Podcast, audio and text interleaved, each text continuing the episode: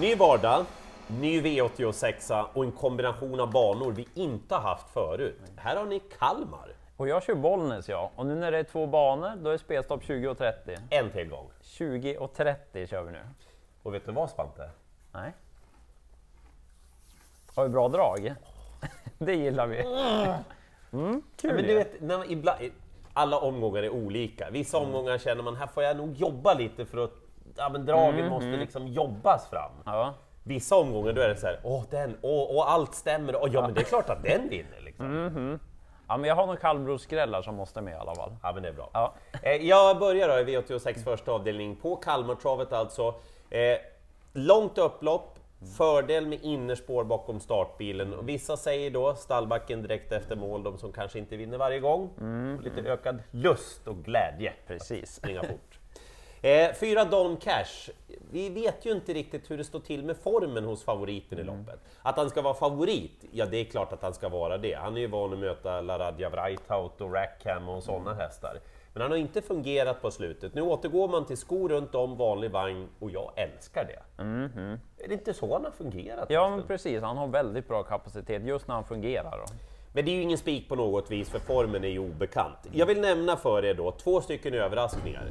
Fem Bossy Alley. Minns ni den här hästen som var ute och vann massa lopp och var riktigt bra? Det är den här startsnabba, härliga travaren som nu är tillbaka. Mimmi Elfstrand har verkligen fått ordning på hästen igen. Senast när huvan rycktes runt den sista kurvan tog hästen i på ett jättefint sätt och såg sådär härligt mysig ut över målgång Mm, och låg procent såg jag. och kan vara ledaren i loppet. Alternativt att han får en väldigt bra position. Och så tre Cassiopeia.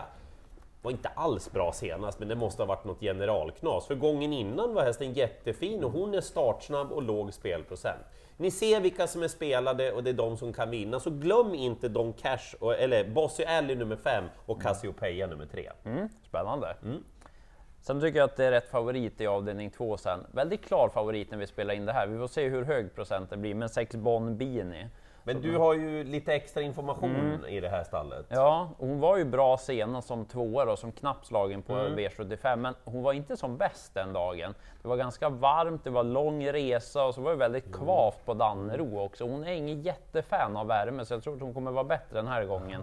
Oskar låter nöjd med jobben och så efteråt, så att det är rätt att hon blir favorit. Men när vi spelar in är nästan 70 procent, det är lite väl häftigt. Ja, det var- men, ja, det var lite läskigt. hon kommer tävla med en sån här den här gången. Det har hon gjort en gång tidigare och då vann hon, men även barfota runt om. Man har växlat lite om man har haft barfota eller skor och så vanlig vagn eller inte. Nu blir det kombinationen med barfota amerikansk sulky. Så att rätt hon är favorit, hon kanske bara kör fram utvändigt sista rundan och plockar ner dem. Men ska jag gardera så är det fyra Madame av Djupmyra just på formen jag skulle plocka med emot.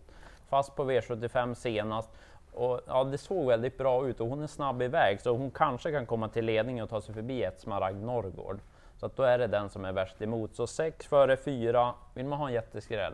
8 Isabelle BR, den är bättre än raden den där. Suttit fast någon gång. Utgångsläget var inget roligt. Vi hör att Spante kommer med den. Jag smyger nog in den som tredje val.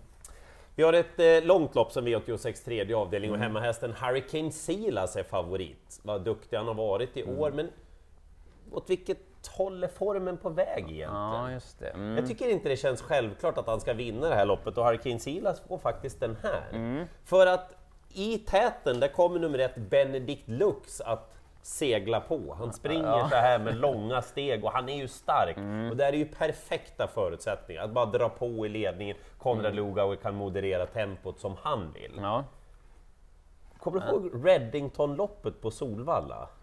Ja Vem när vann då? Bransbys jukebox skrällde Var satt rejält. han någonstans? Ryggledaren. Var det någon som hade tänkt på att ja, men det är ju han som får loppet? Nu skedde det ju lite andra saker, men han Mm. Ja, har ju kunnat ja. fått luckan sen. Mm. Du har något liknande på gång?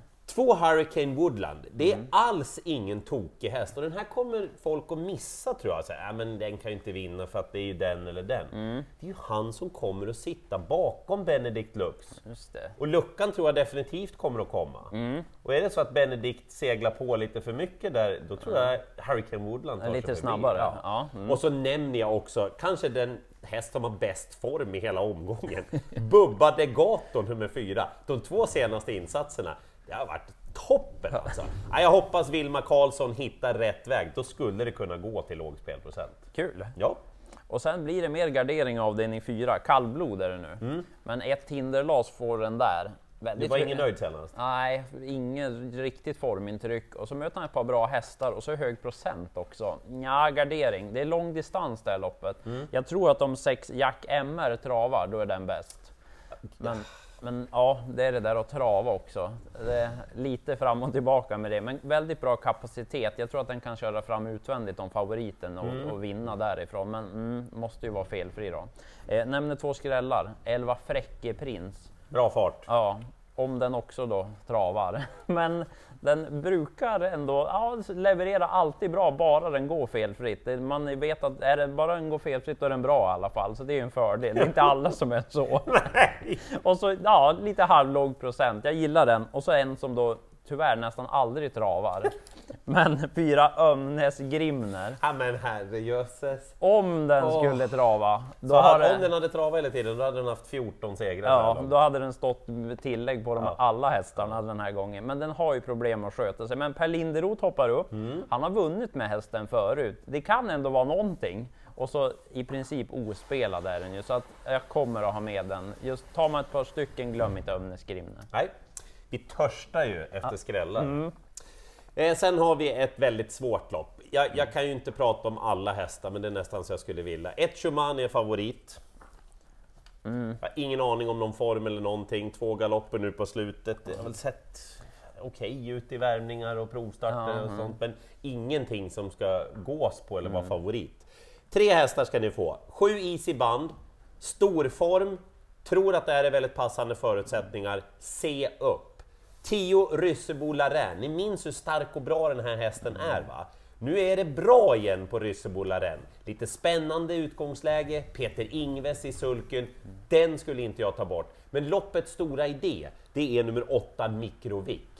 Positiva insatser, de tre senaste, men framförallt senast, jag var tvungen att visa Spanteloppet. Jag sa, men visst hade hon väl segerstridigt utan det som hände 700-800 kvar när hon blev störd då, när det togs upp framför och hon klev upp i framförvarande vagn, som hon gick. Ja, gick jättebra. Ja, mycket spännande den här gången på det intrycket. Och toklåg spelprocent. Så att hästarna 7, 8, 10 i ett väldigt svårt lopp.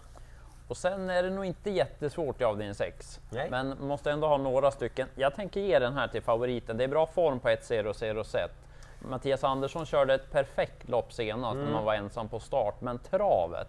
Dels Nej. i värmningen, det var inte alls bra. Och i loppet, ja, kolla sista sväng. Det ser tveksamt ut. Nej, jag vill se att den levererar först innan jag går på den gången efter. Den kan såklart leda runt om, men ja. Born Winner nummer två har väldigt fin form, suttit fast på V75 på slutet, men det är nästan bara de här två som är spelade. Det finns några bakom som jag tänker plocka Du har med. en kraftig bekymmersrynka i Mm. pannan. Tio Panevino, varför är den under 10% Det är lite enklare mot för den den här gången. Alltså Per Lindroth säger ju att det är ju...